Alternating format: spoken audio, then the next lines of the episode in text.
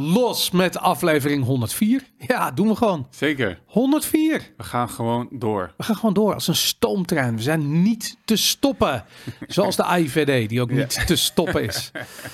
Ehm, ja, er is zoveel te bespreken. Het is werkelijk ehm, eh, Clown World in actie afgelopen week geweest. Weet je, soms gebeurt er niks. Soms gaat het helemaal los. En dan staat onze, onze redactiedocument staat helemaal vol met alle bullshit die voorbij is gekomen de afgelopen week. En nu eh, ja, krijgen we het op een presenteerblaadje aangereikt door de AIVD. Die met hun jaarverslag komen. Gelijk zien we, ehm, eh, hoe heet die directeur van de AIVD?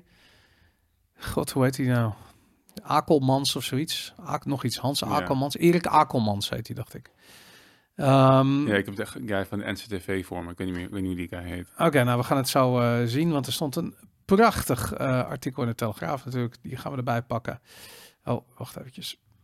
En ehm, wat zegt Erik Akelmans? Die zegt, ehm, de kans op jihadistische aanslagen neemt toe, stelt het ja AIVD, maar dat is niet zo heel erg belangrijk.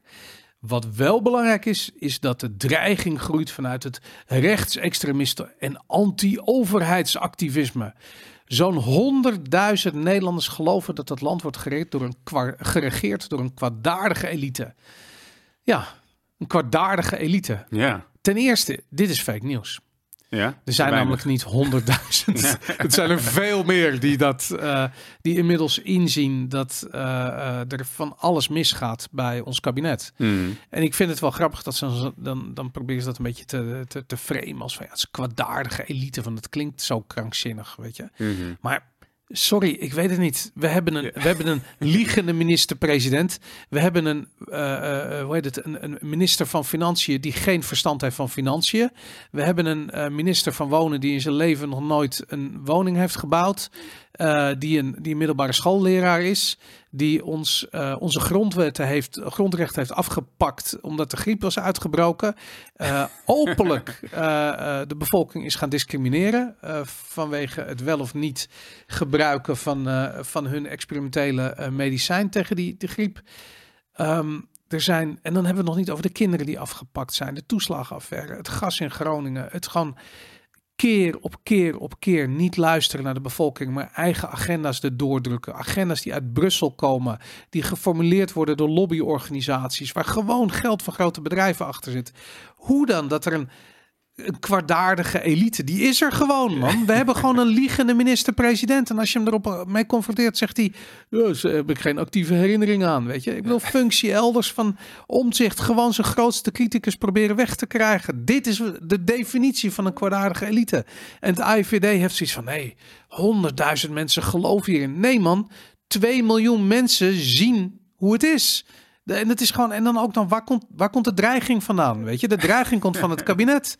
Fucking hell, waar, waar in hun jaarverslag waar staat dat we geregeerd worden door een kabinet wat niet meer democratisch ehm, eh, opereert, wat zich laat aansturen door een niet-democratische entiteit, namelijk de vatsige eh, Frans Timmermans. Timmermans uit, uit Brussel, die gewoon zo dik is en zo ongelooflijk ondemocratisch gekozen is, dat er geen zinnig woord meer uitkomt. En dat, dat is dan niet een kwaadaardige elite, weet je. Ik bedoel, noem het zoals je het wil, weet je. Dat zijn de woorden van de IVD. Maar ik heb gewoon zoiets van, waar staat de dreiging van de afbraak van ons democratische rechtsstaat? Waar komt dat terug in het jaarverslag van de IVD? Ja, daar gaat het niet om. Nee, daar gaat niet om. Waar gaat het wel om, eh? Het gaat, ik, ik vind het echt een supermooi artikel. Eh, ik, ik denk dat zij kwaadaardig wel op een andere manier definiëren, zeg maar, dan, dan wat wij nu doen. Ik denk dat het echt, tenminste wat er staat... Ja, maar je bent eh, aannames aan het doen. Waarom is dat anders? Nou. Ik bedoel, wat is de definitie van kwaadaardig? ja, nee, Met kwade bedoelingen. Ja, nou, het gaat om uitroeien van de bevolking. Dat is wat er staat in het artikel, Oh ja? zeg maar. Ja, zeg maar bijvoorbeeld, staat hier opnieuw groeit het wantrouwen tegen overheid, media, rechtspraak en wetenschap. De AVD noemt dat anti-institutioneel extremisme. Ook mooi. Heel mooi. Hoe komen ze erbij? Veel aanhangers geloven dat Nederland bestuurd wordt door een sinistere macht achter de schermen. Die het volk wil onderdrukken, omvolken of uitroeien. Nou, als je kijkt naar de effecten van, eh, het, eh, eh, van de prik, dan denk ik van ja, het is niet gek als je dat denkt. Weet je, ik Nee. bedoel, we hebben een oversterfte van 10, 20 procent. Een, een, een, een volledig experimenteel medicijn waar ge- nagenoeg geen onderzoek is gedaan naar de lange termijn effecten ervan. Wat ze gewoon uitrollen massaal over de bevolking. Niet één keer, nee, je booster booster booster booster. Weet je, je wordt met, met, met QR-codes wordt je, dat, eh, eh, wordt je die rotzooi opgedrongen. En dat is, hoe is dat conspiracy denken? Hoe is dat een complottheorie? Weet je, ik bedoel, wat is er? Ik, ik bedoel, Nou, maar dat is dus. Maar ik denk dus wel, dat, dat hebben we elke discussie over. zeg Maar het is natuurlijk. ja, is het honderden- domheid of kwade opzet? Nou ja, dat, dat, dat hadden ze eigenlijk moeten zeggen. Dat heel veel mensen zich dat afvragen. Zeg maar. Ja. Was het, was het eh, echter geweest. Maar ik denk dat. Ik denk dat nog steeds vrij weinig mensen echt, zeg maar, echt, echt op de lijn zitten waar wij hier op zitten. Dat heel veel mensen zijn nog steeds van, oh ja, Hoeveel denk je dat dat er zijn?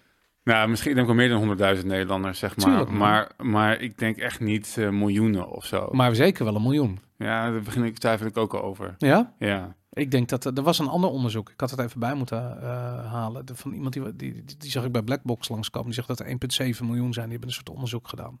Die, en wat denken zij precies? Of wat is precies de... Ja, god. Was het 1,7? Dan kan ik hem heel makkelijk vinden misschien. eh. Ja, moet je, het, het was een blackbox. Maar goed, dan is het weer een videootje. Eh, maar dat, ehm, ehm, ik weet niet precies. Ik, ik Oh heb ja. het ook niet helemaal... Leven. Oh, zijn video kan ik niet kijken. Inderdaad. Ja. wat, eh, 1,7 miljoen zijn de uitzending waarin politica en gezondheidsadviseur Rachel Dan Daniel, of is het Rachel Daniel, de wereld waarschuwde voor de ontstaande tweedeling in de maatschappij is met, oh nee, 1,7 miljoen views, een van de best bekeken Blackbox video's, daar ging het. Ah, oké. Fake news hier bij Viva Valentine. 1,7 Reclame voor miljoen views, 1,7 miljoen Nederlanders. Ja, ja. Nagenoeg hetzelfde, toch? Dat, dat, dat, dat scheelt niks. Maar ik denk dat we elke keer zeg maar, het aantal mensen dat er door in meegaan eh, overschatten. We hebben later nog een, heb ik, een peiling die ik trouwens een paar weken niet gevolgd heb. Wat interessant is, wat wel iets weergeeft over dus, zeg maar de, het, het onvrede met het beleid van, de, van het kabinet. En die dingen die je noemt, die zijn denk ik bij heel veel mensen wel, die je daarvoor noemden, zeg maar voor de, de, de vaccinatie. Dus Ja, natuurlijk. De, de, die- de, de stikstofcrisis, de boeren, Ja. de, de Groningsgas, de, de toeslagenaffaire, de ja, p- omzicht. de- i- iedereen is daar klaar mee. Het Ja. kabinet staat ook een beetje op, op klappen. Ze moeten zogenaamd weg, weer. alleen Dus al vanwege al die dingen. Ja. En, en er zijn er nog veel meer. Wat, wat hebben we nog met, met de, eh, hoe heet die, eh, die, die, was dat Cora van Nieuwenhuizen, die opeens voor de energielobby gaat werken nadat ze Ja. eh, gewoon opstapt als eh, staatssecretaris. Ik wil, what weet je? Is het gewoon, corruptie is, eh, is standaard geworden, weet je? Precies. De, ja.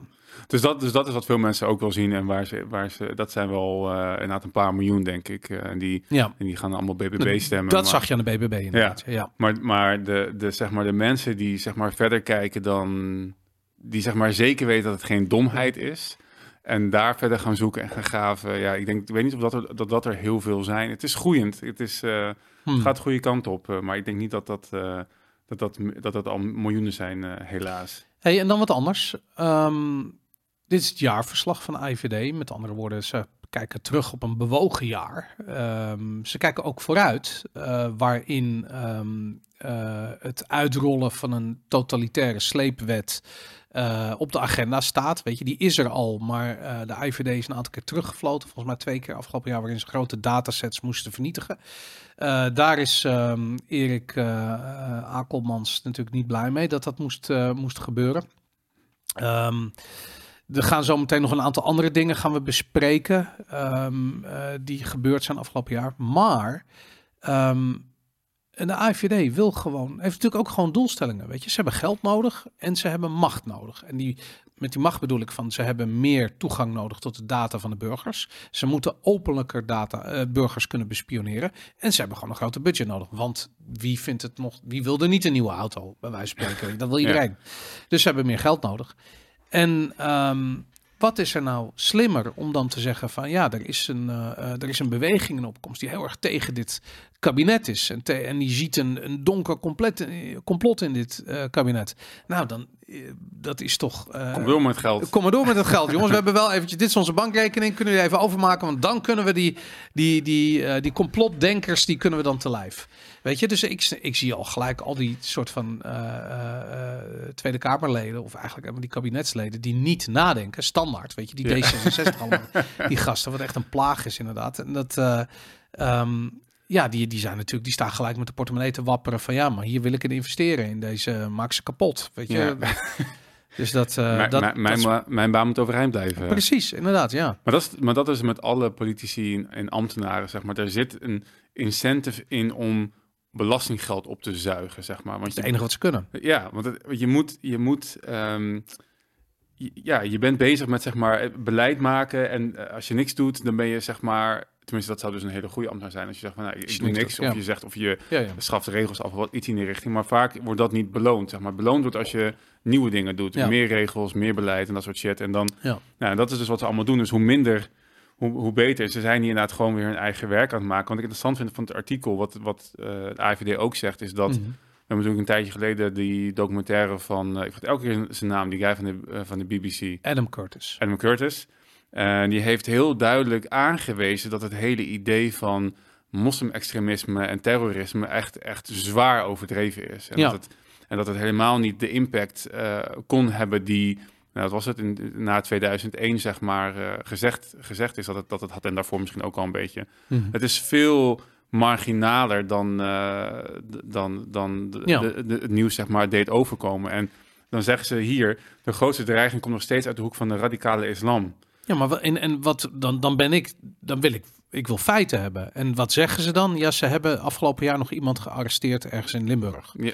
En dat was dan een moslim-extremist en die was bezig met het plannen van een aanslag. Weet je, ik bedoel, het is niet te controleren.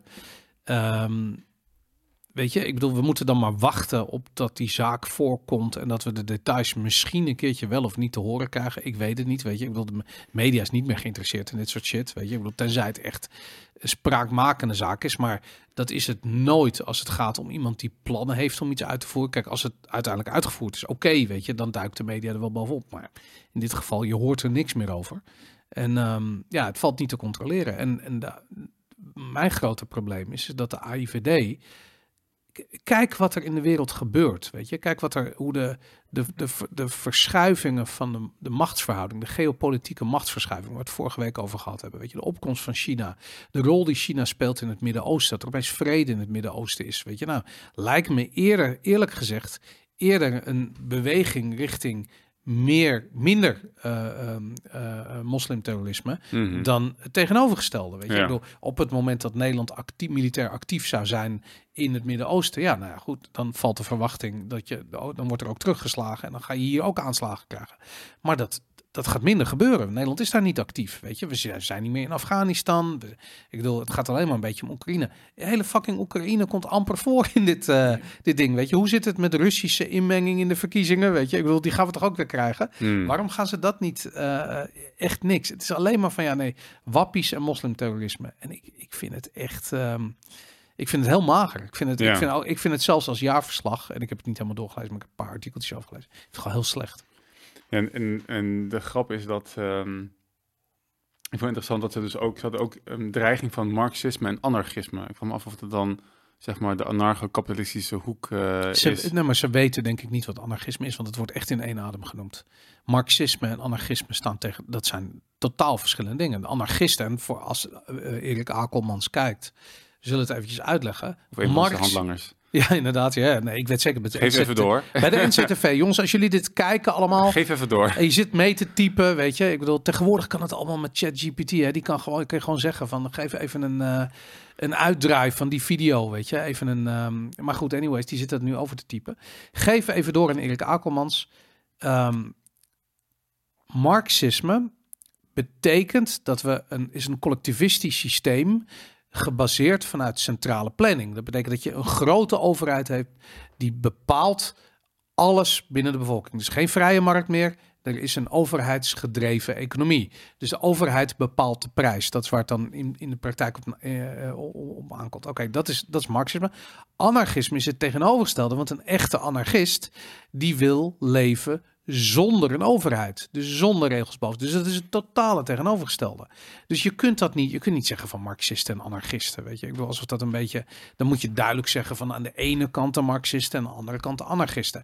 Maar omdat iedereen bij een anarchist denkt aan, weet ik veel, een punker met een, eh, met een leren jas, waar met een witte viltstift, soort van zo'n zo'n A in zo'n O eh, eh, getekend staat. Zo van, ja, dat zijn anarchisten, dat zijn krakers. Dan denkt iedereen van ja, dat, die willen al, dat zijn marxisten, weet je. Dat, dat is Mhm. niet hetzelfde. Hetzelfde. Dat is een beetje een soort ergens misgegaan in de communicatie in de jaren 60. En dat is een beetje blijven hangen tot in de jaren 80. En we zijn er nog steeds niet helemaal uit wat het nou is. Nee, maar ze zijn er zelf ook niet helemaal uit. Want je hebt dus wel degelijk een, een groep mensen die noemen zichzelf um, anarcho-communisten.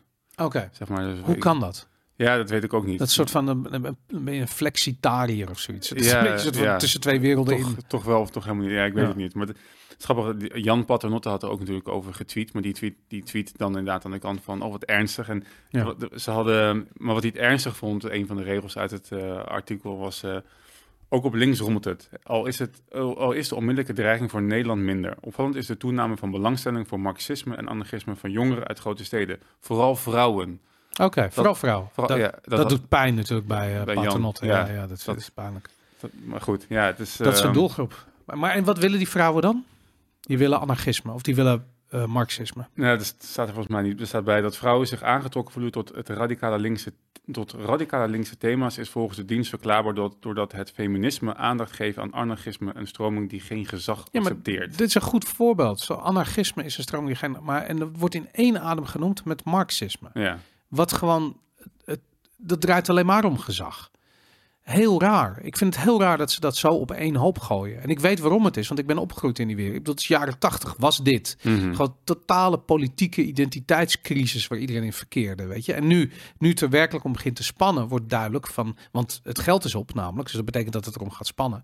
en dan, eh, eh, dan zie je opeens dat, dat, eh, dat al die ideeën die we hadden niet meer zoveel sens maakten, weet je. Dat, Mhm. dat inderdaad, de- je hebt de marxisten en je hebt de anarchisten. Dat zijn toch echt tegenovergestelde bewegingen. Ik hoop dat we nu weer in zo'n tijdperk terechtkomen. Dat mensen denken van, nou, dit is allemaal helemaal niks. En wie ben ik, waar, waar sta ik voor en eh, wat, wat moet ik gaan doen? Dat Als in wat in de jaren tachtig gebeurde. Ja, alleen dat we niet dan bij marxisme uitkomen, maar bij eh, eh, kapitalisme of zo. En denk van, oh ja, we moeten nu weer dingen even goed, goed gaan regelen. Het zou Ja. fijn zijn. Nou, ik heb goed nieuws voor je. Dat gaat gebeuren. Want eh, de jaren tachtig werd natuurlijk voornamelijk gedreven door de, door de omstandigheid van een grote, zware economische crisis.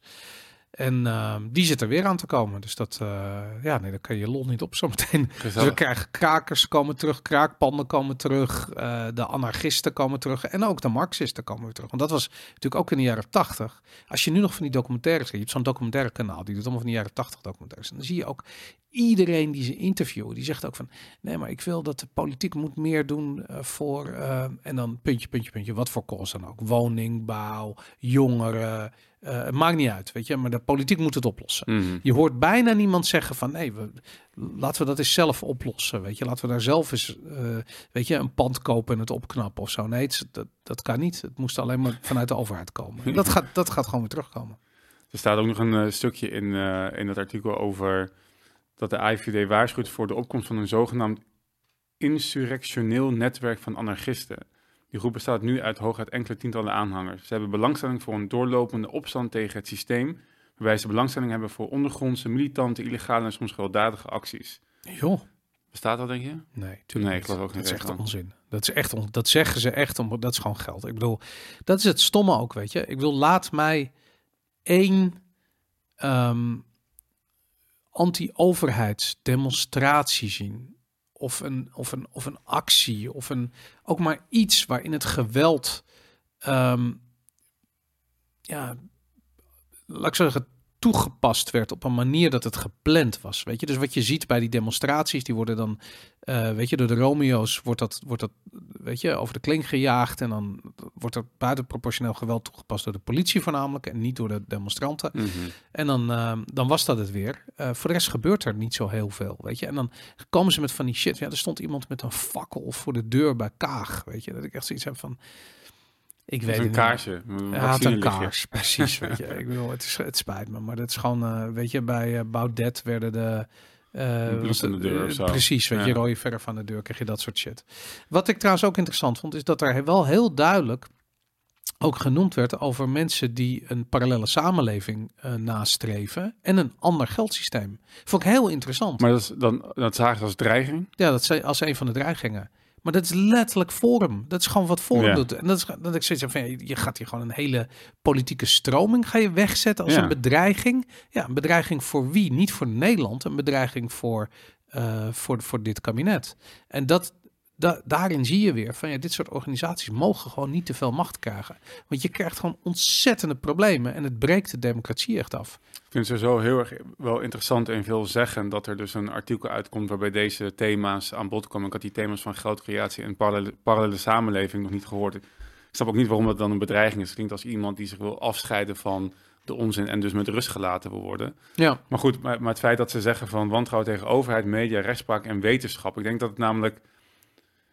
Ik heb het, maar al, ik heb het een paar keer genoemd dat dat, dat um, onderzoek van Maurice de Hond van inmiddels maar alweer twee jaar geleden, dat er, dat er zo dat deze instituties en ook zeg maar dan bepaalde bedrijven binnen die instituties werden, werden um, uitgevraagd bij, bij, bij het panel van Maurice de Hond van 4000 man van geven een cijfer. En het hoogste cijfer was een 6, geloof ik. 1 6, 1 voldoende. Mhm. Dat gaat Pieter om zich was. En verder waren alle politici, alle media-instanties en rechtspraak en dergelijke, waren allemaal zwaar onvoldoende. Dat vond ik heel veel zeggen. En toen werd er weinig gehoor aan gegeven. Ja. En nu zie je eigenlijk dat er toch op tot van hernieuwde belangstelling is voor het feit dat inderdaad het wantrouwen voor de instituties heel erg aan het afbrokkelen is. En ja, dat is toch ook weer een soort van nieuwe fase. Even los van dat het onzin is dat zij geld willen hebben. Denk van, nou, het is interessant dat nu deze partij dat ook zeg maar een soort van aankaart. Ik bedoel, het kabinet zit volgens mij al twee, drie weken in een soort van uh, um, crisissituatie over de verkiezingsuitslag. Ja. Uh, uh, goed, ik weet niet, ik denk niet dat, dat, ze, dat ze weggaan. De stikstofplannen zijn geklapt, las ik vanmorgen.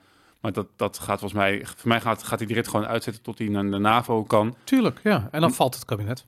En dan valt het kabinet en dan ja, en dan is het interessant wat er dan gaat gebeuren. Maar er zit, het is toch, het, ik vind het interessant dat, het, dat deze partij dat nu aankaart. Het groeit en dat is goed, want de overheid en de media en de rechtspraak en de wetenschap is niet meer in dienst van de mens. Nee, en ik vind, het is precies dat, weet je. Zodra iemand, het maakt niet uit wie het is, wie het zegt, als die een claim op autoriteit doet. Dus wat je dan krijgt van nou, deze wetenschapper, die is zo gerenommeerd uh, dat is waarom ik geloof dat dit waar is. Weet je, dat is vaak wat mensen doen. Want er zijn maar heel weinig mensen die zelf research gaan doen naar ongeacht welk onderwerp. Mhm. Media doet dat niet. Dus wat je de hele tijd ziet is die claim op autoriteit. En als jij zegt van hey, deze wetenschapper die is zo goed, uh, die heeft zo vaak geleid, die heeft zulke fantastisch werk geleverd in het verleden. Ik heb daarom reden om aan te nemen dat hij gelijk heeft over dit onderwerp. Als je dat doet, Mhm. dat is nog oké. Maar waar is de media en de politiek toe vervallen, die zeggen niet meer die wetenschapper of die wetenschapper. Die zeggen de wetenschap. Of die zeggen de experts. Weet je, zoiets. En dat is een claim op autoriteit die veel te dun is. Die is flinterdun. Mhm. En die wordt ook keer op keer doorbroken. Die mensen zeggen van, oh ja, de wetenschap. Oh ja, de experts. Ik heb hier een expert en ik heb hier een wetenschapper. En die vindt iets anders. Mhm. En dan, dan merk je gewoon van, ja, dat is... eh, doordat ze dat de hele tijd doen. Als je dan de hele tijd zegt van, de wetenschap zegt dit... Dan zeg je van nou, ik ken een wetenschapper die zegt iets anders. En ik denk eerlijk gezegd dat hij betere papieren heeft om het bij het juiste eind te hebben dan jou, de wetenschap. Dat betekent dat de wetenschap dus zijn, zijn geloofwaardigheid verliest. Dus, Mhm. Want iedereen die dat doet, die op een soort verkeerde manier een beroep doet op, op autoriteit, die doet afbreuk aan het onderwerp of het, het, het onderwerp waarop die beroep doet. Mhm. Mag ik een beetje water van jou? Zeker. Droog gestrot. Dat werkt niet met de podcast opname. Nee, dat kan niet. Thanks man. Topper. Ah, maar goed, dat is. Dus het kabinet is er voornamelijk, eh, en ook de media, is er voornamelijk zelf schuldig aan. Ja, Dat we dat gebrek aan vertrouwen krijgen in de media en in de wetenschap en in al die andere instituten. Want laten we eerlijk wezen, dit gaat over, weet ik veel, het gaat ook over onderwijs. Het gaat ook over ja, precies. elk instituut heeft het nu zwaar, Ja. omdat ze geen van allen meer rationeel aan de dag, ja, werk aan de dag, werk presenteren of hun, hun beleid rationeel onderbouwen. Nee, dat, dat, moeilijk. durf je niet meer. Want als je dat bent, dan ben je eh, anti-woke. En dan ga je tegen de stroming in. Want je moet nu alles op emotionele basis eh, kunnen verantwoorden. En dat gaat boven de, het rationele. Precies. En dat, en, dat, en dat durft mensen niet, want dan word je Ja. verstoten uit de groep. Ja. En dat is, eh, ja, dat is eh, vanuit, het is, het is, het wekt ook een doodsangst op. Maar ja, ik denk, we moeten er toch eh, een keertje doorheen gaan om weer Ja. terug bij normaal te komen. Nee, ik denk ook dat we. ehm, ik ben benieuwd wat er gebeurt als, de, eh, als we straks een ander kabinet hebben of een andere regering hebben die eh, veel meer recht doet aan hoe Nederland zich voelt. Mhm. Wat voor toon Erik Akelmans dan aanslaat. Weet je, Mhm. gaat dit een, eh, gaat hij door met deze shit?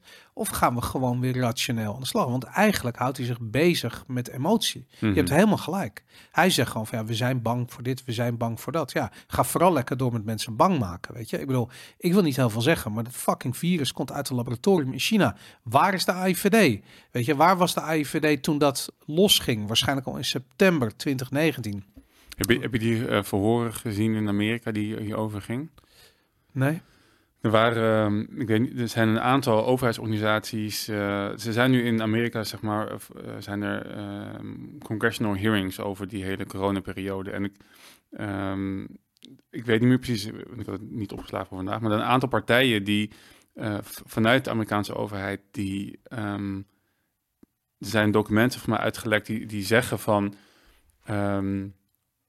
er waren al aanwijzingen voor dat Wuhan-lab. Dat, daar- dachten meerdere Ja. mensen ook binnen de overheid, eh, zeg maar, in Amerika. natuurlijk. En, maar Fauci was dus heel erg, zeg maar, dat narratief aan het spinnen, omdat hij een belang had natuurlijk geldelijk in dat, ehm, In dat in laboratorium. dat, in dat laboratorium. eh. Ja. En eh, ja, er zijn nu, dat komt, ik heb het idee dat, dat Fauci een beetje in het nauw gedreven wordt, zeg maar, met zijn, met zijn uitspraken van vroeger, omdat dat is ja, ook zo. Het valt toch ook niet te, te hard te maken. Nee, nee hij, heeft gewoon, hij, heeft, hij, hij is en betrokken bij het lab en hij heeft geld verdiend met, met de bestrijding van het virus. Eh, dus wat hij gezegd heeft, dat moet Ja. zeker nog even goed onder de loep genomen worden. Maar ik vind ook dat het is ook wel degelijk tijd voor een, eh, eh, eh, dat het OM gewoon onderzoek gaat doen naar deze zaak. Weet je, Mhm. we hebben Marion Koopmans, die is naar China gegaan om het.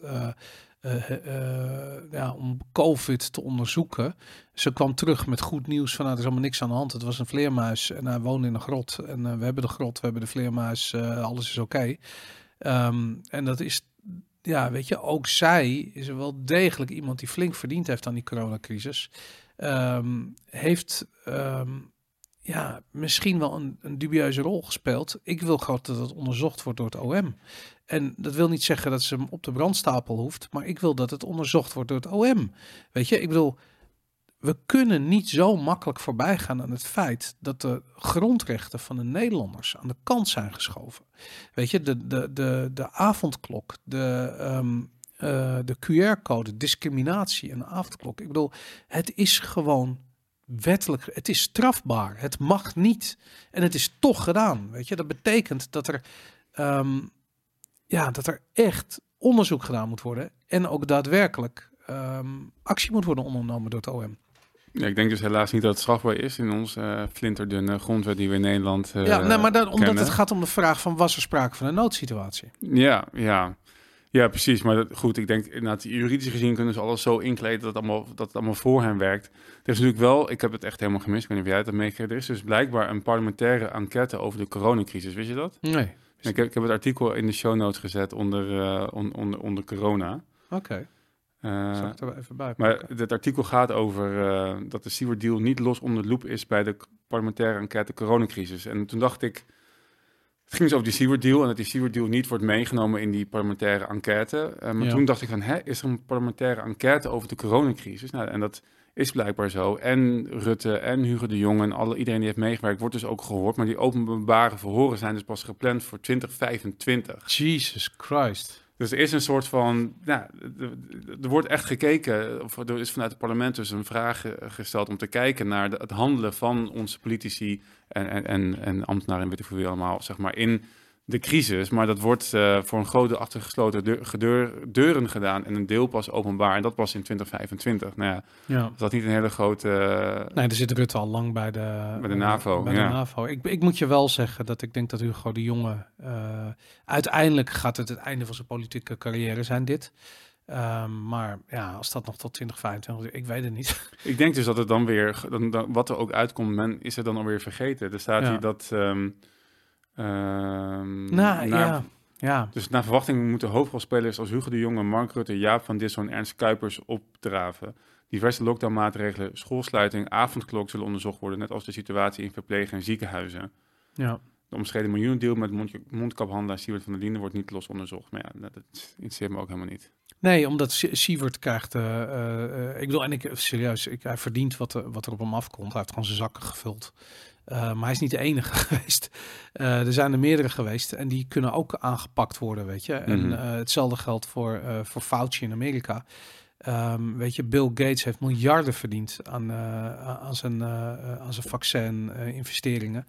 Um, je wordt er kots en kots en kots misselijk van. En, en ja, weet je, in Nederland is het dan altijd een beetje lullig, weet je. Want ik bedoel, waar, waar de Pfizer gewoon 100 miljard uh, verdient in een jaar, um, daar weet ik veel, miljoen koopmans, die heeft gewoon 2, 3 miljoen daarmee verdiend of zoiets. Dat is gewoon heel Nederlands, weet je. Van die, van die, van die nuchtere bedragen, weet je. Kan ze net een huisje kopen ergens, weet ik veel. En dat, uh, het is allemaal net even treurig. Maar toch heb ik zoiets van, dat maakt niet uit. Ze moeten aangepakt worden.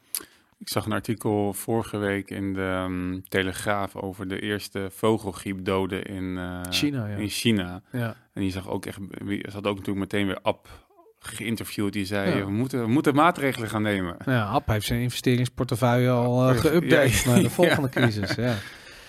Ja, het is, het is te erg voor woorden. Maar goed, het is ook gewoon de media, weet je. Dat die, uh, dat, dat, ja, ze krijgen te veel aandacht. Misschien ook wel door ons, hè. Ik bedoel, ik, ik zit altijd een beetje op twee uh, gedachten, mm -hmm. Van ja, weet je, eh, moet je nou echt die IVD en dat, dat jaarverslag, moet je dat nou aandacht geven, weet je. Het is toch fucking te gek voor woorden ook, die Ja, gasten. daarom. Ik moet erom lachen. Ik blijf, ik blijf, Ja. ik blijf Nee, bij dat het om te lachen. Het, ik vind het ook grappig. Het is, het is South Park. We zitten gewoon in een, Ja. we zijn een andere dimensie ingegaan met z'n allen.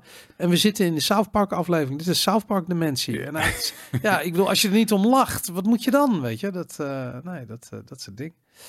Goed, ehm, even kijken. Laten we even doorgaan met de politiek. Ehm, wat hebben we hier nog? Ehm, oh ja, deze vond ik echt. Dit was ook goud, jongens. Dit was echt fantastisch.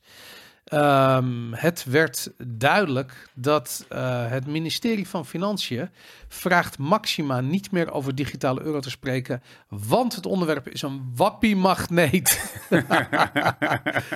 Ik bedoel, je verzint het niet. Het is te geniaal voor woorden. Sigrid Kaag, topambtenaren van het ministerie van Sigrid Kaag, die hebben Maxima gevraagd om alsjeblieft hun mond te houden over die fucking CBDC. Want eh, op een of andere manier, nou niet op een of andere manier, maar dit is natuurlijk typisch voor het Koningshuis. Ik bedoel, eh, ze zijn behoorlijk, eh, wat, wat is de Nederlands slang van tone deaf?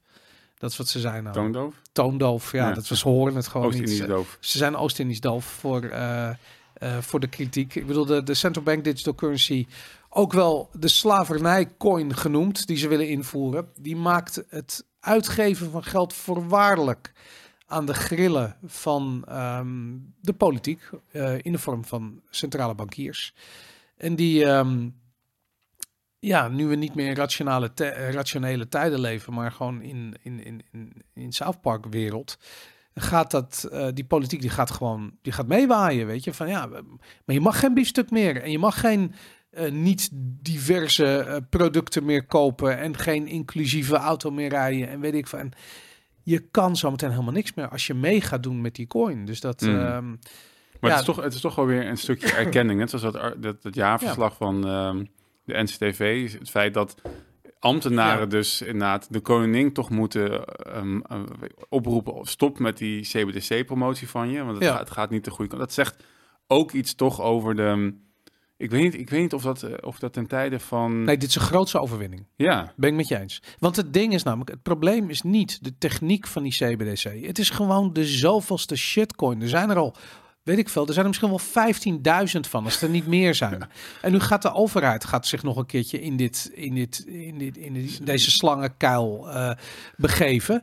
En de enige manier waarop je een shitcoin aan de man kan brengen, is gewoon marketing. Mhm. En de overheid had zoiets van, nou, we gaan dwang toepassen. We gaan je gewoon dwingen om dat ding te gebruiken. En nu hebben ze zoiets van, fuck, weet je, er zijn in Nederland misschien wel 1,7 miljoen eh, views op een video Ja. die, eh, van mensen die willen niet die CBDC. Ja. Ik weet het niet, misschien moeten we toch, toch die marketingkant eventjes Ja, beter nou, gaan bekijken. Maxika, ga even, doe even Ja. je ding. hey, Maxima, als jij nou even je bek houdt, Ja, ja. gaan wij gaan we mensen geld geven voor het gebruik van dat ding, weet je? En dan, eh dan zorg gewoon dat het vet wordt. En, eh, en helemaal, en dat is natuurlijk ook een ding met Maxima. Die gaat gewoon bij dat World Economic Forum met Klaus Schwab arm in arm eh, daar deze, dit feestje lopen vieren. En mensen hebben zoiets van, wat de fuck gebeurt hier, jongens? Het kan toch niet? Nee, en dat, dat, dat, is dus enigszins ehm, hoopvol. Dat er, Ja. dat er dus blijkbaar ehm, genoeg, nu al genoeg weerstand is, zeg maar, tegen de CBDC. Want ik, ik vraag me af, er is natuurlijk ook heel veel weerstand geweest tegen de, de, de eerste shitcoin die er was, zeg maar, de euro. En, ja, nou niet genoeg. Nou ja, dat is dus precies mijn punt. Zeg maar ik, ik, ik ben politiek actiever geworden na eh, het jaar 2000. Dus ik heb niet zo scherp meer. Ik weet dat er, dat er, we hebben een referendum gehad en er stemden mensen nee tegen en zo. En er, er, waren al, er waren vast ook mensen tegen, maar ik heb niet, ik heb niet echt een goed beeld van hoe sterk die anti-beweging was. Waar was er ook een, een, een, een, een, uh, commissie financiën van de Tweede Kamer die, waar... Uh, een, uh, een of andere lokale radiozender bij was met heel veel mensen die daar gingen protesteren, zoals we laatst zagen bij de CWDC. Ja, nee, dat was er absoluut niet. Maar wat ook heel interessant is in die tijd, je had geen social media. Mm -hmm. Dus alles wat je erover las kwam gewoon uit de krant en van de televisie. Dat Mhm. was het. En er was wel degelijk uh, uh, kritiek. Alleen naar die kritiek werd niet geluisterd. En dat, um, ja, dat, dat maakte ook, omdat er waren gewoon politieke doelstellingen die belangrijker waren dan, uh, dan, dan, dan de gulden, of het behoud van de gulden. Nee, het ging erover dat dat grote Europa moest worden opgebouwd. En dat is ook waarom al die, we hebben al die referenda gehad, weet je. We hebben de grondwet is weggestemd, de Europese grondwet, daar is tegen gestemd. En toen hebben ze via dat verdrag van Lissabon, hebben ze een soort van omweg verzonnen, waardoor er alsnog een Europees... Ja, inlegvelletje weer, weet je. Dan kwam er alsnog een... Uh, terwijl gewoon de Nederlanders hebben gezegd, wij willen geen Europese grondwet. We houden van de Nederlandse grondwet. Dat is wat we willen. We moeten daar meer naartoe. We willen geen Europese grondwet. Toch een Europese grondwet gekomen. Gewoon via een omweg. Nou, toen hebben we nog uh, Oekraïne. Er zijn, een aantal van dat soort uh, um, referenda geweest. Mm. Die gewoon steeds opnieuw uitwezen van de Nederlanders zitten hier niet op te wachten. Maar omdat je geen social media had en geen, geen alternatieve media had, werd die discussie niet gevoerd. Er was gewoon geen ruimte voor. En door, doordat alternatieve media opkwam en je dus opeens een heel groot contrast ziet tussen mainstream media en alternatieve media, hebben mensen iets van, hey, hoe kan het? Weet je, daar wordt dat gezegd en daar wordt dat gezegd. En aangezien de alternatieve media nu veelal gelijk krijgen in alle onderwerpen die ze belichten. Mm -hmm. En de mainstream media er gewoon keer op keer op keer echt te, te krankzinnig naast zit. Dat is niet nieuw. De mainstream media was altijd al zo. Het was altijd al krankzinnig. En vroeger was zo, ik weet niet of jij dat nog kan herinneren, maar ik heb bijvoorbeeld uh, ik, was, ik wist heel veel van videogames, weet je, van de videogames-industrie en de onderzoeken die gedaan werden naar het spelen van videogames, het effect daarvan op gamers en zo. En dan iedere keer als er in de mainstream media of in een krant een artikel verscheen over videogames, dan zit ik aan het lezen dat ik van, mijn god, wat een bullshit is dit, weet je. dit is al of al lang weerlegd, of het is, er is meer informatie. Het was overduidelijk framing, of het was in ieder geval vanuit een bepaalde agenda geschreven, of vanuit pure onwetendheid, dat kan ook. Mm -hmm. Maar goed, weet je, oké, okay, dan heb je misschien een, een artikel die het weer legt op een, uh, weet ik veel, een gaming website of misschien een gaming magazine, zo, dat soort dingen had je nou. Dat is natuurlijk heel weinig bereik, in ieder geval geen, geen landelijk bereik op de manier waarop mainstream media dat heeft.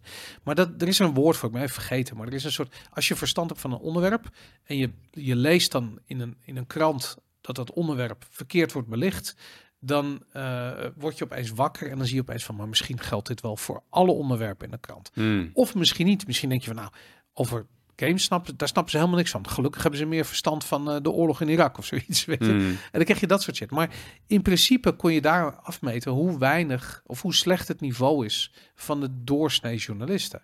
En dat, ja, weet je, dat was de enige maatstaf die je had. Als er een keer een onderwerp voorbij kwam waar je verstand van had, dat je zoiets van, ja, oké, okay, hier, dit is wel heel slecht wat er nu in de krant staat. Maar nu heb je gewoon door al die alternatieve media gewoon specialisten op elk gebied.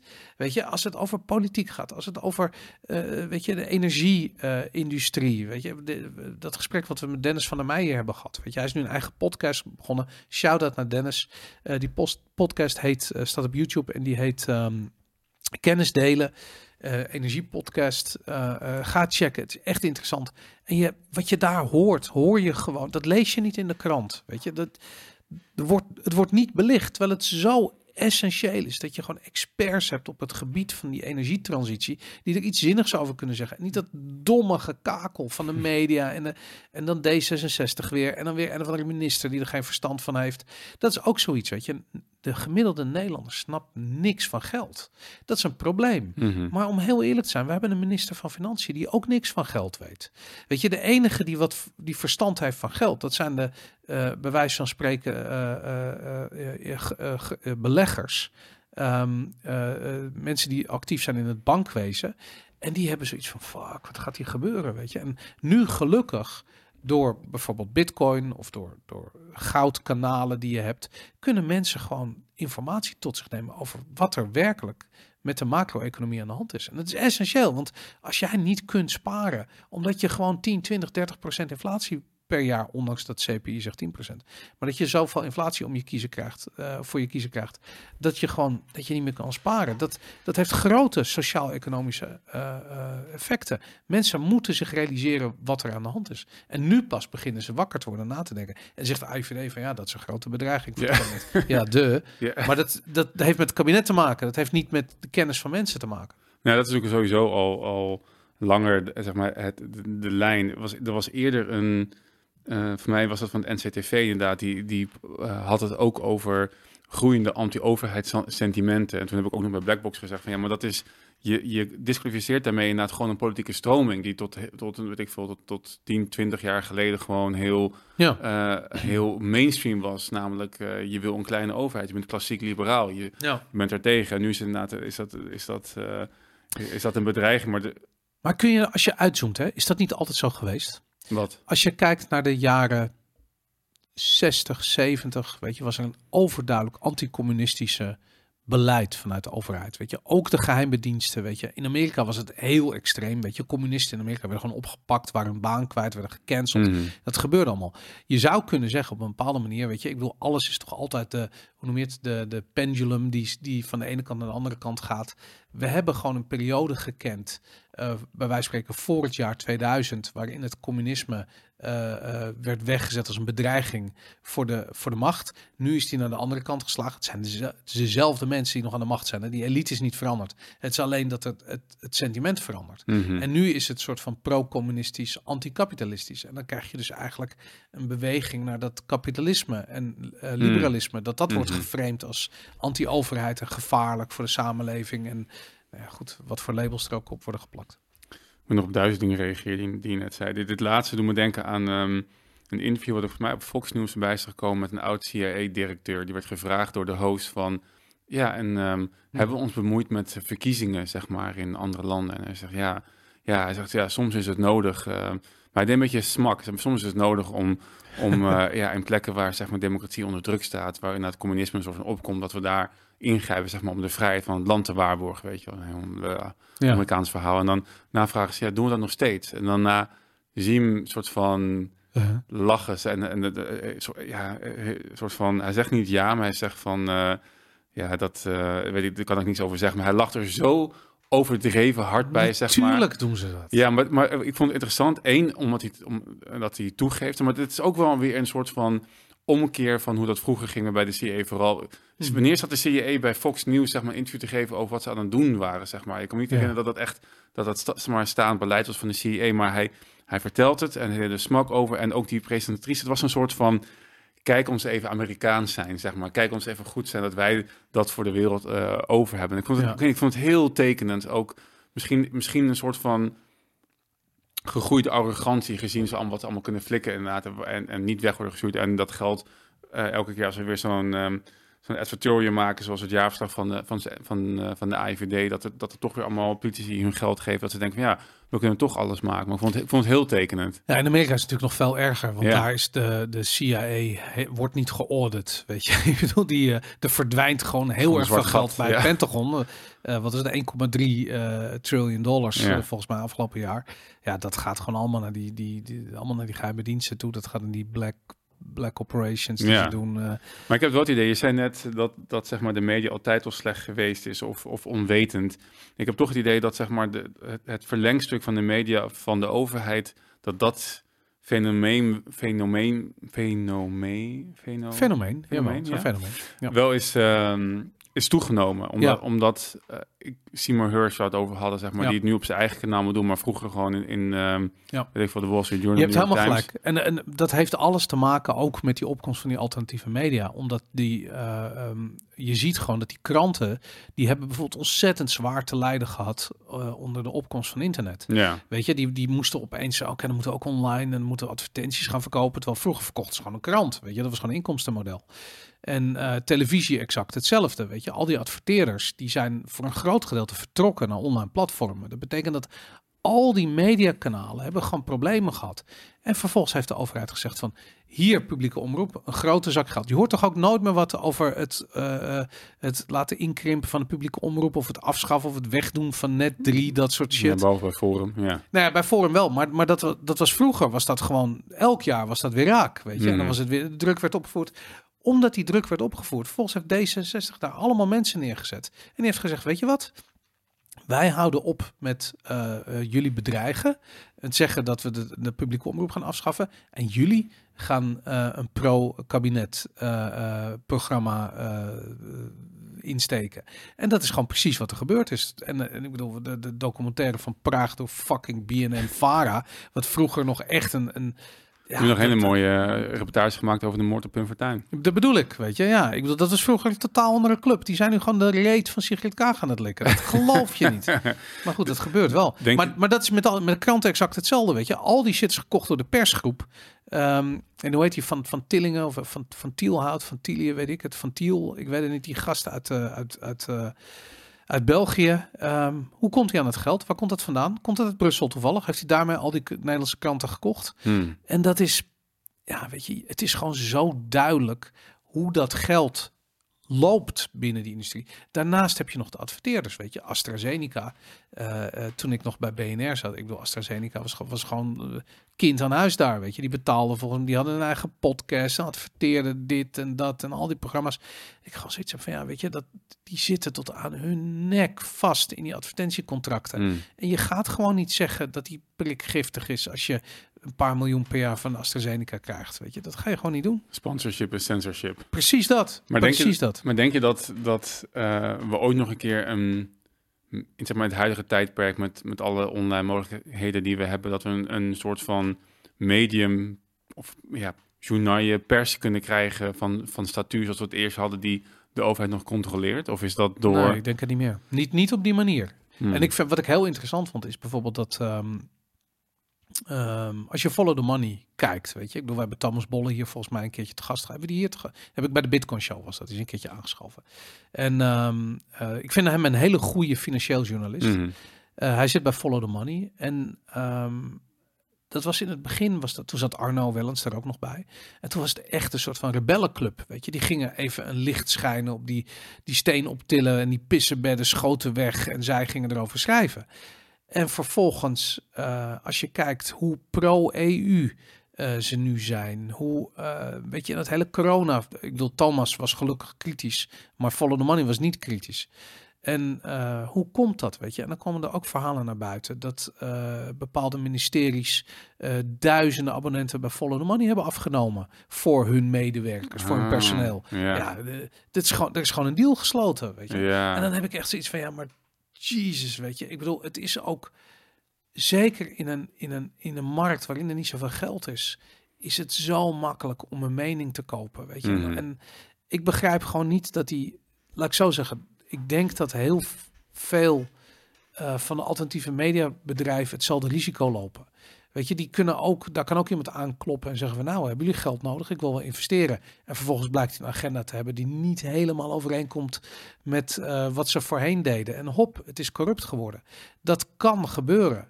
Maar hoe kleiner die platformen worden, hoe kleiner die kans is. Weet je? Ik mhm. bedoel, kijk naar ons, weet je. We zitten hier in een bescheiden studio met z'n tweeën dit verhaal te voeren. Er kijken tienduizenden mensen naar. Hartstikke leuk. Het zijn er nog geen 1,7 miljoen helaas, maar wie weet komt dat nog.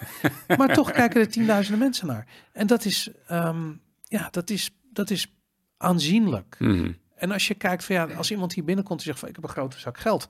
Ik denk dat we alleen maar heel hard moeten lachen, omdat het hele idee te krankzinnig voor woorden is. Weet je, ik bedoel, je gaat niet een YouTube kanaal sponsoren of mhm. zo, weet ik veel. Dat doe je niet. Dat, is, laat, dat laat dus ook meteen de kracht zien van decentralisatie. Dat is het hele idee natuurlijk van decentralisatie. Niet alleen in, in de media, maar ook in de politiek. Dat, dat, dat als je de macht en de invloed van mensen beperkt tot een bepaald volume, ja, dan heeft het geen nut meer om om te gaan uh, strooien met geld. Dat, heeft, dat, dat, dat, ja. dat, trek je niet meer. Precies. Ja, nee, ik vind dat we inderdaad tijd om de politiek te decentraliseren.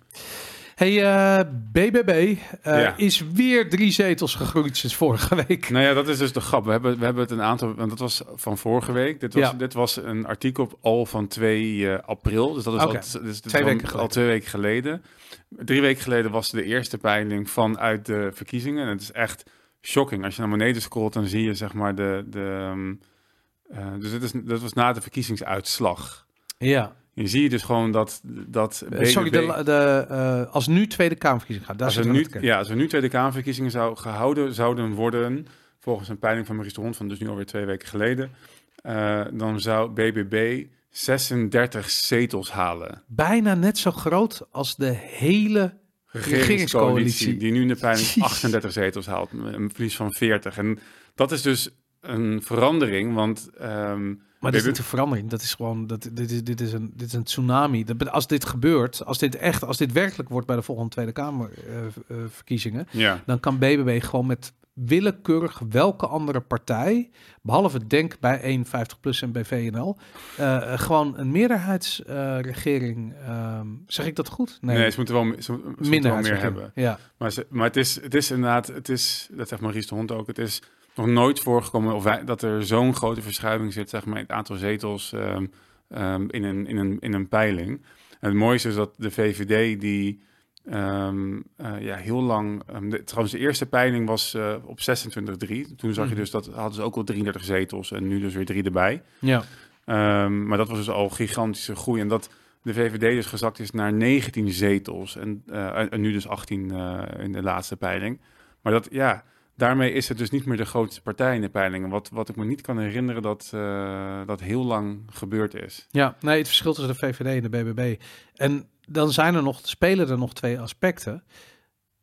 Als Rutte weggaat bij de VVD, verdwijnt de VVD, weet je. Ik bedoel, Ja. Sophie Hermans moet dat gaan leiden. Nou, die Mhm. wordt door Wilders eh, wekelijks bijna vernederd, publiekelijk vernederd in de Tweede Kamer. Ehm, en je hebt nog de factor omzicht. Als omzicht besluit om bij de BBB te gaan, ik denk dat het gewoon nog tien zetels erbij is. Ja, dat hebben ze bij deze niet. ehm, of hebben ze dat bij deze ook? Ik heb wel heel veel kijken of ik dat. eh, want hij, hij doet dus heel vaak inderdaad een peiling. Nee, die van 26 maart heeft het wel gedaan. Als, ehm, en dan peilt hij eh, wat er gebeurt op het moment dat ehm omzicht zeg maar meedoet Ja, eh, zelf. Of als, eh, als meedoet met zeg maar de, eh, de BBB. ja, Even kijken. Ehm, als omzicht mee zou doen, dan haalt lijst omzicht dus 38 eh, ehm, zetels en Ja. de BBB alsnog 17. wauw. En dan de VVD 18 en dan gaat CDA naar 5 en ja, 21 naar 5 en GroenLinks naar 13. Maar als hij als, ehm, ja, als hij dus meedoet met, met de BBB, dan halen ze samen dus 53 eh, zetels. Ja.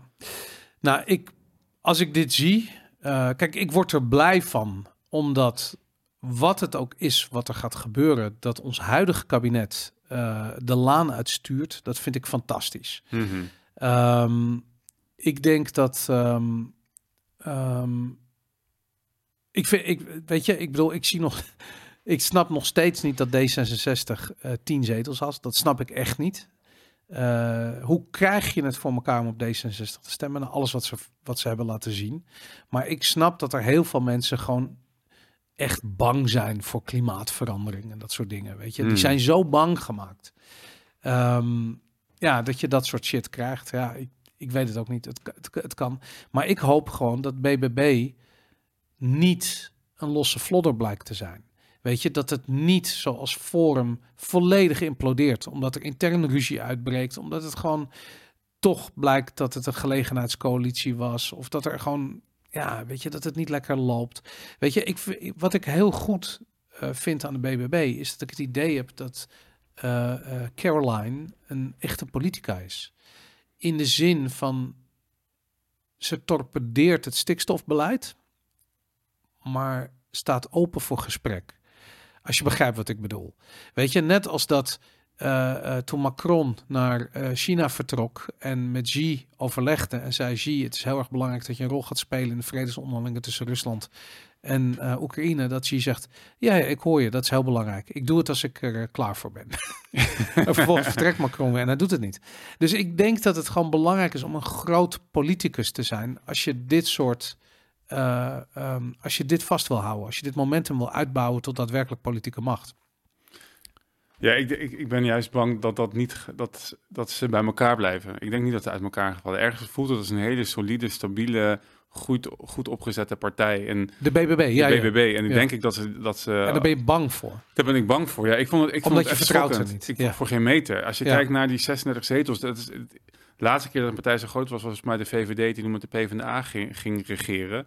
Ik ben met je eens dat het na het die, die, die oude kliek moet weg, zeg maar. Dat, dat is al een verbetering. Dat is toch al een verbetering? Dat, dat is sowieso een verbetering. En ik hoop ook dat het een beetje doordringt in, zeg maar, uh, ongekozen posities als ambtenaar en burgemeester. Van die volgen vaak, zeg maar, de lijn van de zittende partijen. Dus je hebt nu heel veel, je hebt heel veel PvdA, vooral heel veel CDA... Uh, um, zeg maar, wethouders ja, en, en, en, en, en, uh, hoe dat... Um, Um, hoe noem je dat nou? Ja, bestuurders, um, ja, burgemeesters, zeg maar. Die, worden, want die worden namelijk aangewezen, niet, uh, niet gekozen. Ehm, maar ook in de politieke leiding heb je vaak van die gelederen gewoon, of in de ambtelijke leiding heb je vaak die gelederen heel veel van mensen uit die partij. En dat, is, dat als ze een vier, acht jaar BBB hebben, dan kan dat zeg maar een beetje verdwijnen. Dus dat, dat is heel, heel goed. Maar de, ze zitten gewoon niet op de juiste lijn met qua beleid. En bijvoorbeeld, en de stemmers, dat is de grap ook nog eens een keer. Het, um, wat, um, ik zei er net van ja, het feit dat mensen op BBB stemmen laat zien dat ze op een, op een bepaalde mate wakker zijn, maar ze denken vast niet wat wij denken. Ze hebben dus in het onderzoek van Maurice de Hond ook gekeken naar wat willen de stemmers van um, deze mensen met. Uh, ja, het staat maar niet in deze, ik heb een andere hier voor me. Oké. Wat willen ze zeg maar met um, de stikstofmaatregelen? Als je kijkt, en hebben ze dus gezegd, wil je vervroegen naar 2030? Um, wil je later op 2035, later dan 2035 of helemaal laten vervallen? Mm -hmm. Nou, wij zitten denk ik in die laatste categorie. En ze hebben dan gekeken per partij. Dus als jij op FVD hebt gestemd, wat zeg je dan? Mm -hmm. Je ziet dat vervroegen naar 2030, dat is nog goed, dat zijn natuurlijk alle coalitiepartijen. Laat op 2035, dan zie je toch al dat een derde van, of een kwart van de BBB-stemmers wil het gewoon laten. Dus die stemt op BBB, mm -hmm. maar wil gewoon de stikstofplannen zoals ze zijn gewoon laten staan. Dus een kwart al. Mm -hmm. dan, dus, en dan wel doorgaan, maar niet uh, in, in 2035. Dat is ook weer een kwart. Dus dan heb je de helft van de mensen van BBB die wil gewoon stikstofmaat regelen, zeg maar, nog steeds uh, op, op een manier ja, hebben. maar, maar je, ik denk, dit is een beweging. Weet je, als jij vijf jaar geleden over central bank digital currency was begonnen, had iedereen je schaapachtig aangekeken. En dat is een beetje waar we nu zitten met het stikstofbeleid. Weet je, iedereen heeft zoiets van: wat is CO2 ook alweer? Oh ja, en nu komt er stikstofbeleid. Wat is stikstof? Ik heb geen idee. Mensen weten niet wat het is. Maar geef het tijd. Weet je, het. Uh, um, weet je, met tijd, of wat is het, wij, wijsheid komt met de jaren. Mm. Als, uh, als ze dit hele plan tien jaar lang doorschuiven, um, dan treedt er echt wel bewustwording in bij mensen. Ik ben het helemaal met je eens. Dat ik zit van bij mij gebeurt dat liever, of van wat mij betreft gebeurt dat liever morgen uh, dan overmorgen. Um, maar ik realiseer me ook dat dit soort veranderingen tijd met zich meebrengen. Net zo goed als dat het hele stikstofbeleid een, een, eigenlijk een product is van iets wat al jarenlang aan het opbouwen is. Net als dat CO2-beleid. Dat is al jarenlang, is dat sinds die El Gore shit is dat al aan het opbouwen. Is dat momentum aan het vergaren. En dan is het, ja, je moet dat er ook, want als dat niet tot een soort weet ik veel, een soort, soort explosie komt, een soort climax komt. Uh, en dan hoop ik dat die climax een soort van, van ja, weet je, het is gone, het is weg. Uh, als het dat niet is, dan, um, ja, dan, dan gaan mensen gaan, gaan die energie meedragen. Dan gaat het andere uit de weg mm. uh, vinden. En om heel eerlijk te zijn, het is niet een probleem met uh, het is niet een acuut probleem. Dus als je dat vooruitschuift, gaan mensen zoiets hebben van ja, maar wacht even, we horen nou al jaren dat gezeik over die ja. stikstof. Er gebeurt helemaal niks. Net als zure regen, ja. net als het gat in de ozonlaag, het verdwijnt gewoon. Het blijkt allemaal bullshit te zijn. Um, er zijn ook problemen die wel acuut zijn, weet je. Kijk bijvoorbeeld het migratiebeleid, weet je, waar, hoe dat aan het ontsporen, de kosten die dat met zich meebrengt. Daar hoor je niemand over. Dat is een acuut probleem. Maar, die, maar dit, ik denk eigenlijk dat de beste manier om om te gaan met die, met die CO2-onzin en die stikstofwaanzin, is gewoon om die shit 10 jaar, 20 jaar, 30 jaar verder vooruit te schuiven. En het verdwijnt vanzelf. En dan krijg je van die eh, epische, ehm, ehm, eh, hoe noem je dat? Eh, gearchiveerde tweets, weet je, van Gore, Ja. die zegt over vijf jaar is de wereld kapot. Ja, ja, En dan precies is- dat, Het ja. was dan vijf jaar geleden, Ja. zeg maar, dat het zou moeten zijn gebeurd. Ja, nee. je hebt toch dat argument van als daadwerkelijk de zeespiegel zou stijgen, dan zouden de huizenprijzen in Amsterdam, die zouden dramatisch, dan zou het niet meer mogelijk zijn om een hypotheek te krijgen in Amsterdam. Ja. Het gebeurt niet. Nee. Weet je? Ik bedoel, de financiële markten nemen het niet serieus. Nee. Niemand neemt het serieus. Het, ik bedoel, het gebeurt wel, maar het gebeurt, het gebeurt elk jaar volgens mij met dezelfde tred al voor weet ik veel hoeveel, hoeveel tijd, zeg maar, een soort echt minimaal. Volgens mij was het een centimeter per 100 jaar. Zo. Ja, zoiets eh, inderdaad, ja, goed, het, het stelt geen flikker voor. Goed, ehm, ja, dat was eh, denk ik eh, de politiek. Ehm, Maar wel nog steeds, ja, dus toch, ja, ik ben benieuwd, schokkend nog. Ik, ik ben er zijn nog steeds verkiezingen, of weet dat, gesprekken gaande over ja, of het kabinet gaat vallen. Ik ben, Ja, ik blijf altijd een hard, vallen. Ik bedoel, dat kan gewoon niet. Het Ja, moet weg. Het, moet weg, maar ik, ben, al- ik heb er altijd een hard hoofd in, dus ik denk dat het misschien nog wel blijft. Maar als, het, als we nieuwe verkiezingen krijgen, dan wordt het wel een eh, interessante tijd. Ja. Hey, eh, ik wil eventjes eh, naar het Marengo-proces. Ik zag iets anders vandaag langskomen. Ehm, ik had het met een schuin oog had ik het gevolgd. Ehm, eh, dat kwam omdat een, ehm, een oud commando was de gast. Die heeft allemaal gezeik met Defensie. Eh Sil A wordt hij genoemd in de media. Eh, hij was ook de gast volgens mij bij, eh, bij een podcast die ik was luisterd. Die heet Scherpschutters. Aanrader trouwens, die podcast. Ehm, en waar, waar gaat dit nou om? Eh, de eh, Ridouan Taghi, zoals iedereen weet, een van de kopstukken uit de Nederlandse, of uit, uit het Mokro-maffia Eh, die is op een gegeven moment gevlucht naar, eh, naar Dubai, of heeft daar heel lang gewoond, was daar ondergedoken in Dubai. En toen heeft Defensie dus blijkbaar plannen gemaakt. En dat kwam nu eh, naar buiten door een verklaring van die Sil A. Ehm, ehm, eh, dan moet ik even zeggen, het, was een verklaring van die Sil A. en Ines Wesky, de advocaat. Nee, niet, sorry, niet Ines Wesky. Ik, ik haal dingen door elkaar. Die advocaat heette anders. Ehm, eh, Michael Ruperti heet die, ehm, eh, heet die advocaat. En Wesky heeft ehm, dat volgens mij naar buiten gebracht. Anyway, die commando, eh, die heeft dus gezegd dat Defensie bezig was om die Ridouan Taghi uit Dubai te ontvoeren, dood of levend. Hmm. En met andere woorden, hier werden plannen gesmeed om een Nederlands staatsburger in het buitenland om te brengen. Ik, ik, ik weet het niet, man. Denk je dat dit eh, gebeurt dit vaker? Is dit nieuw? Is dit? eh, Ik, eh, kan, ik, kan, me- ik kan me bijna niet indenken dat dat, dat, dat ik bedoel, desondanks dat we hier in eh Clown Studio zitten en we heel erg eh, anti-overheid zijn en, en alles, alles bekritiseren, zo'n beetje wat er gebeurt, ja. kan ik dus toch nog steeds niet indenken dat er een Nederlandse ambtelijke top is ergens die heeft gezegd, we moeten Taghi, voor wat, voor, voor wat voor reden zou de Nederlandse overheid dat willen? Ja, maar dat snap ik ook niet. Want ik heb precies, Dubai is een bevriende natie. Je belt ze op. Kijk wat er gebeurt. is. Je belt ze op. Je zegt, wel, luister, er zit iemand daar in een of andere eh, luxe villa. Die hebben we nodig eh, voor een rechtszaak hier in Nederland. Kunnen we die even opkomen halen? Dan is het antwoord altijd ja. Waarom Ja, zou dat niet ja zijn? Ik moet het zeggen, want volgens mij is Min Kok ook daar toen ik opgepakt volgens mij. Libanon was dat. Was het Libanon? Ja, Ah, hij zat oké. in Libanon, Ja, dat was niet eens een bevriend land. eh, maar goed, dat was toen ook... Die is niet uitgeleverd. Ja, die is misschien wel uitgeleverd. Ja, ja, inderdaad. Ja. Nou ja, goed, inderdaad. Dat. eh ehm, nou weet ik eigenlijk niet zeker of niet Min Kok toch in Dubai. ik, Ja, ik ik weet niet. Ik dacht dat het Libanon was.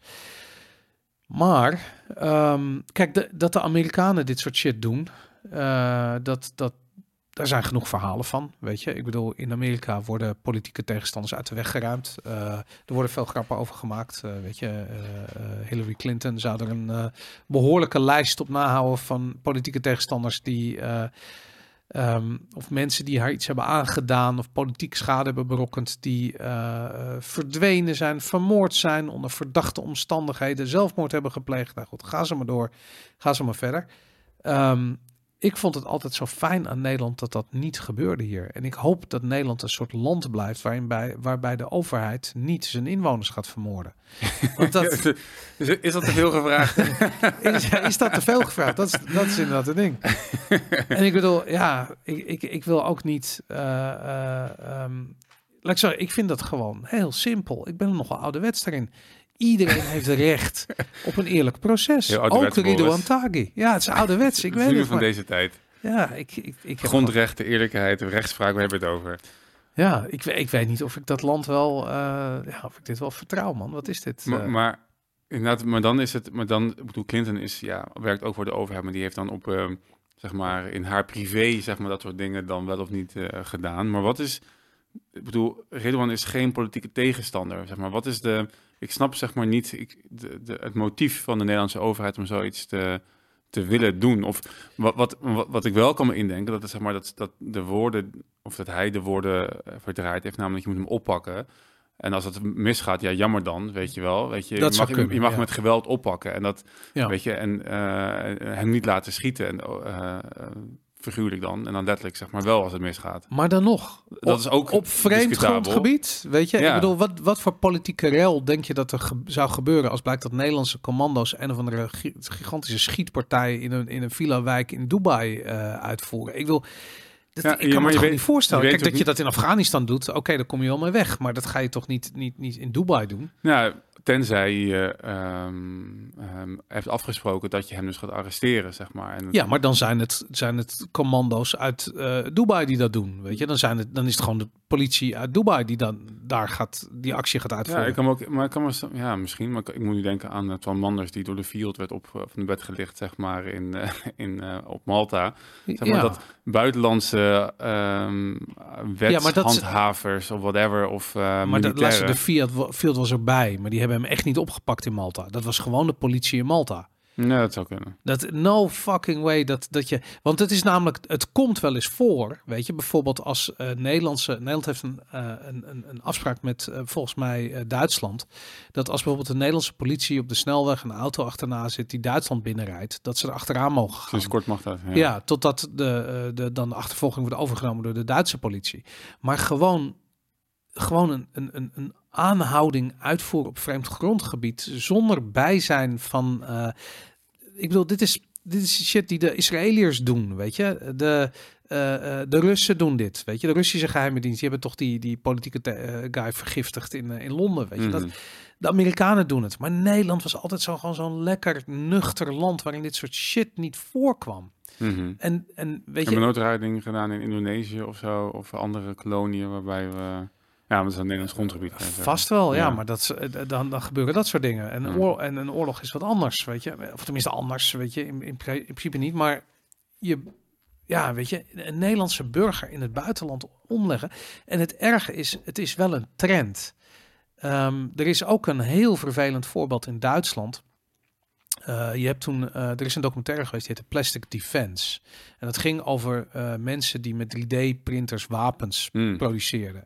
En nou ja, goed, er was één iemand, een soort mastermind, die steeds nieuwe ontwerpen maakte. En weet ik veel, die, die, maakte de, de vetste shit. En hij liet het ook zien in die documentaire. En dan gingen ze in het bos en dan gingen ze ermee schieten en zo. En eh, hij is op een gegeven moment, eh, hebben ze achterhaald wie hij was. Hij bleek in Duitsland te wonen. En hij is bij zijn, uit, bij zijn aanhouding is hij gestorven. Hij heeft een hartaanval gekregen. En er gaat een heel hardnekkig gerucht dat hij beschoten is met iets wat ze een hartaanval. Wapen noemde. Dus dan Mhm. krijg je zo'n sterke elektromagnetische puls, of, of hoe het ook werkt, ik weet niet precies hoe het werkt, waardoor je hart stopt. Ehm, gewoon met als doel om hem dood te maken. Niet omdat ze weten gewoon van ja, waarschijnlijk doet hij niet zo heel veel strafbaars, maar hij werd als een grote bedreiging voor de rechtsstaat gezien. En dat is nou precies wat Ridwan Taghi ook deed. Hmm. Hij werd ook als bedreiging van. Dat werd ook letterlijk zo gezegd. Want hij had natuurlijk had die advocaat. eh, eh, eh, had hij een aanslag op gepleegd. Die, die advocaat die is vermoord. Peter R. de Vries wordt hem in de schoenen geschoven. Nou, en nog een hele rits aan criminelen. Maar ja, hij, Ridwan Taghi was begonnen om niet-criminelen eh, ehm, uit te schakelen. Te liquideren. Dat is nogal een grens waar je overheen gaat. Weet je? Mhm. En het kan zijn ja, dat, hij gewoon, dat ze gewoon dachten van ja, daarin vormt hij een bedreiging voor de rechtszaak. We moeten rechtsstaat, we moeten hem uitschakelen. Hmm. Maar dan nog vind ik het hele verhaal shady, want ik kan me gewoon niet voorstellen. Nederlandse commando's in Dubai, no fucking way. Hmm, nee, ik denk het ook niet. Misschien is het... ehm, want die guy die staat terecht voor het een of ander, toch? Ik weet niet meer wat zijn... ehm, Die Sil A. Ja. Ja, dat, dat, dat gaat eigenlijk over andere dingen. eh, en dit speelt er een beetje doorheen. En kijk, er is nog een ander ding. En dat is dat je. ehm, eh, het, het, het ligt in een lijn der verwachting dat bijvoorbeeld bij de commando's. dat daar steeds plannen gemaakt worden die inspelen op de actualiteit. Dus je kunt je voorstellen dat zodra, weet ik veel, Rusland Oekraïne binnenvalt, dat er bij de commando's eh, of bij de, eh, hoe noem je het? Ehm, eh, nou goed, bij de commando's en bij de mariniers en bij, bij al die afdelingen, dat er allemaal plannen gemaakt worden om actief deel te nemen aan die strijd. Dat wil niet zeggen dat het ook daadwerkelijk gaat gebeuren, maar ja, wat doet zo'n dienst anders dan plannen Ja. maken voor dat? Dus het zou kunnen zijn dat dat gewoon dit is, dat er gewoon ik bedoel, dit is politiek gezien niet haalbaar. Dus het was waarschijnlijk nooit werkelijkheid geworden. Maar mocht het werkelijkheid, maar mocht het veranderen en zou het wel politiek noodzakelijk zijn, hey, dan hadden de commando's alvast een plan liggen. Hmm. En daarmee maak je jezelf ook actueel natuurlijk. Net als dat die IVD-figuur Ja. doet, weet je. Dus, Af en toe een editorial richting eh, je politieke leiding Ja. sturen. Ja. dat zou goed kunnen. Ja. en dat het uitgelekt is, is gewoon ehm, ja, pijnlijk. Maar goed, ehm, Ines Wesky is volgens mij ehm, eh, uit naam van Tagi een zaak begonnen tegen eh, de Nederlandse staat. Ehm, Juich ik altijd aan. Toe. Ja, daarom, dat, dat moet je altijd doen. Ehm, eh, en ja, ik ben gewoon heel erg benieuwd wat voor informatie er boven komt. En als dit geheim blijft, ja, het is jammer, zou jammer zijn. Maar ik hoop dat er gewoon, ja, dat we wat meer weten over hoe het korps commando troepen te werk gaat in dit soort situaties. Het zou, het zou een, een, hoe noem je dat? Wereldgeschiedenis eh, dat als Nederland dit soort dingen blijkt te doen. Ja. Ik, ik hoop bijna dat het waar is, omdat het gewoon ook weer een rel oplevert en informatie en wantrouwen richting de overheid. eh. Nou ja, het is, het is wel, ik weet het niet, weet je. Ik, ik denk nou niet dat, dat Tagi veel fans heeft in Nederland. Dat mensen daar wakker van gaan, gaan liggen. Maar het is meer... Ja, maar dat, dat, is, dat is dus het probleem dan. ja, Dan kom je helemaal weer in dat, in dat, in dat, eh, in dat, in dat spectrum terecht van, ja, weet je, ik ben voor vrijheid en meningsuiting alleen voor de mensen die mijn mening, zeg maar, wel bevalt. Maar het is, weet je, rechtspraak is er voor, voor iedereen. Weet je, ik wil, ik wil dat de overheid niemand eh, omlegt. En het gaat niet om die reden, Ja. die interesseert me geen ene moer. Maar als, Ja. als de overheid blijkt de mensen, ehm, ja, om... eh, nee, dat te- gaat veel, veel te ver. Dat kan echt niet. Ja, Nee, dat kan dus dat, niet. eh, Dat, en ik, ik hoop dat mensen dus ook zo naar kijken, zonder dat het de, in deze keer aan Redon Taghi geplakt is. maar- burgers hebben we het over. Hè? Want Ja. ik bedoel, het is geen oorlogssituatie met, Nee. met Dubai. En misschien dat je zou kunnen zeggen van ja, het was misschien oorlog met Ridwan Taghi. In ieder geval tussen zijn groepering en andere groeperingen. Dat is waarom er zoveel slachtoffers vielen. Ik weet het niet. Maar ehm, Dat ik- vast hoe ze willen framen, ja. ja, daarom inderdaad. Ja, ja, ja. Hm. Goed, ehm, het is in ieder geval een interessante ontwikkeling. Ik hoop dat we meer eh, te weten komen over hoe ehm, de staat en onze eh, special forces, ehm, ja, wat voor rol die spelen in de rechtspraak. Want dat, eh, dat gaat alle kanten op. Goed, eh, we zijn een uur en twaalf minuten bezig. Eh, wij gaan zo meteen verder voor al onze tribe members, alle bazige bazen, alle bezige bazen, hoorde ik van de week Ja, voorbij komen. Vond ik heel erg leuke take. Was het Miranda? Die, Ja. die, die is volgens mij het is Miranda. Mireille heet, sorry Mireille. Ehm, je bent, eh Mireille is een bezige baas geworden, heeft besloten ons te supporten. Applaus voor jou en, voor, en voor alle andere bezige bazen. Ehm, wij gaan zo meteen verder op vivavalentine.com. Daarin gaan we praten over een onderwerp wat we eerder hebben gedaan. Het gaat een beetje de spirituele kant op. Maar eh, wij hebben een keertje een discussie gehad. Volgens mij was het, als het niet voor twee weken geleden, denk ik, ging het over hoe zijn de piramides gebouwd. Ja, vorige week. toch? Vorige week was het Ja. inderdaad. En want jij kwam aan met een foto van drie eh, grote bulldozers. Die probeerden eh, zo'n brokstuk, of tenminste zo'n gigantische steen... waar die piramides mee gebouwd zijn, om dat te dragen. En het lukte ze niet om het van de grond te krijgen. Het idee was, met de huidige technologie lukt het ons niet om de piramides te bouwen. We kunnen dat niet. Hoe hebben ze dat gedaan? En jij zei van ja, ze hebben altijd van die tekeningetjes van zo'n, weet ik veel, twintig van die slaven die zo'n blok, eh, zo'n rotsblok voortschouwen. Mhm. Onmogelijk, bestaat niet. Je hebt 10.000 eh, mensen nodig om zo'n rotsblok voor te krijgen. En dan heb je het nog niet 200 meter de lucht in gekregen. Weet je, dus onmogelijk. Hoe hebben ze dat dan wel gedaan? Eh, ik had zoiets, ik was getriggerd door, eh, door je vraag. En eh, ik heb ChatGPT erbij gehaald. En ik ben een soort rabbit hole ingegaan. En ik heb Ik heb de oplossing gevonden. Ik denk dat ik het gevonden heb hoe ze het hebben gebouwd. En ik ga er alles over vertellen in deze extra aflevering die zodra je klaar bent met dit kijken live gaat op vivovalentine.com. Voor nu, dank voor het kijken en we zien je volgende week.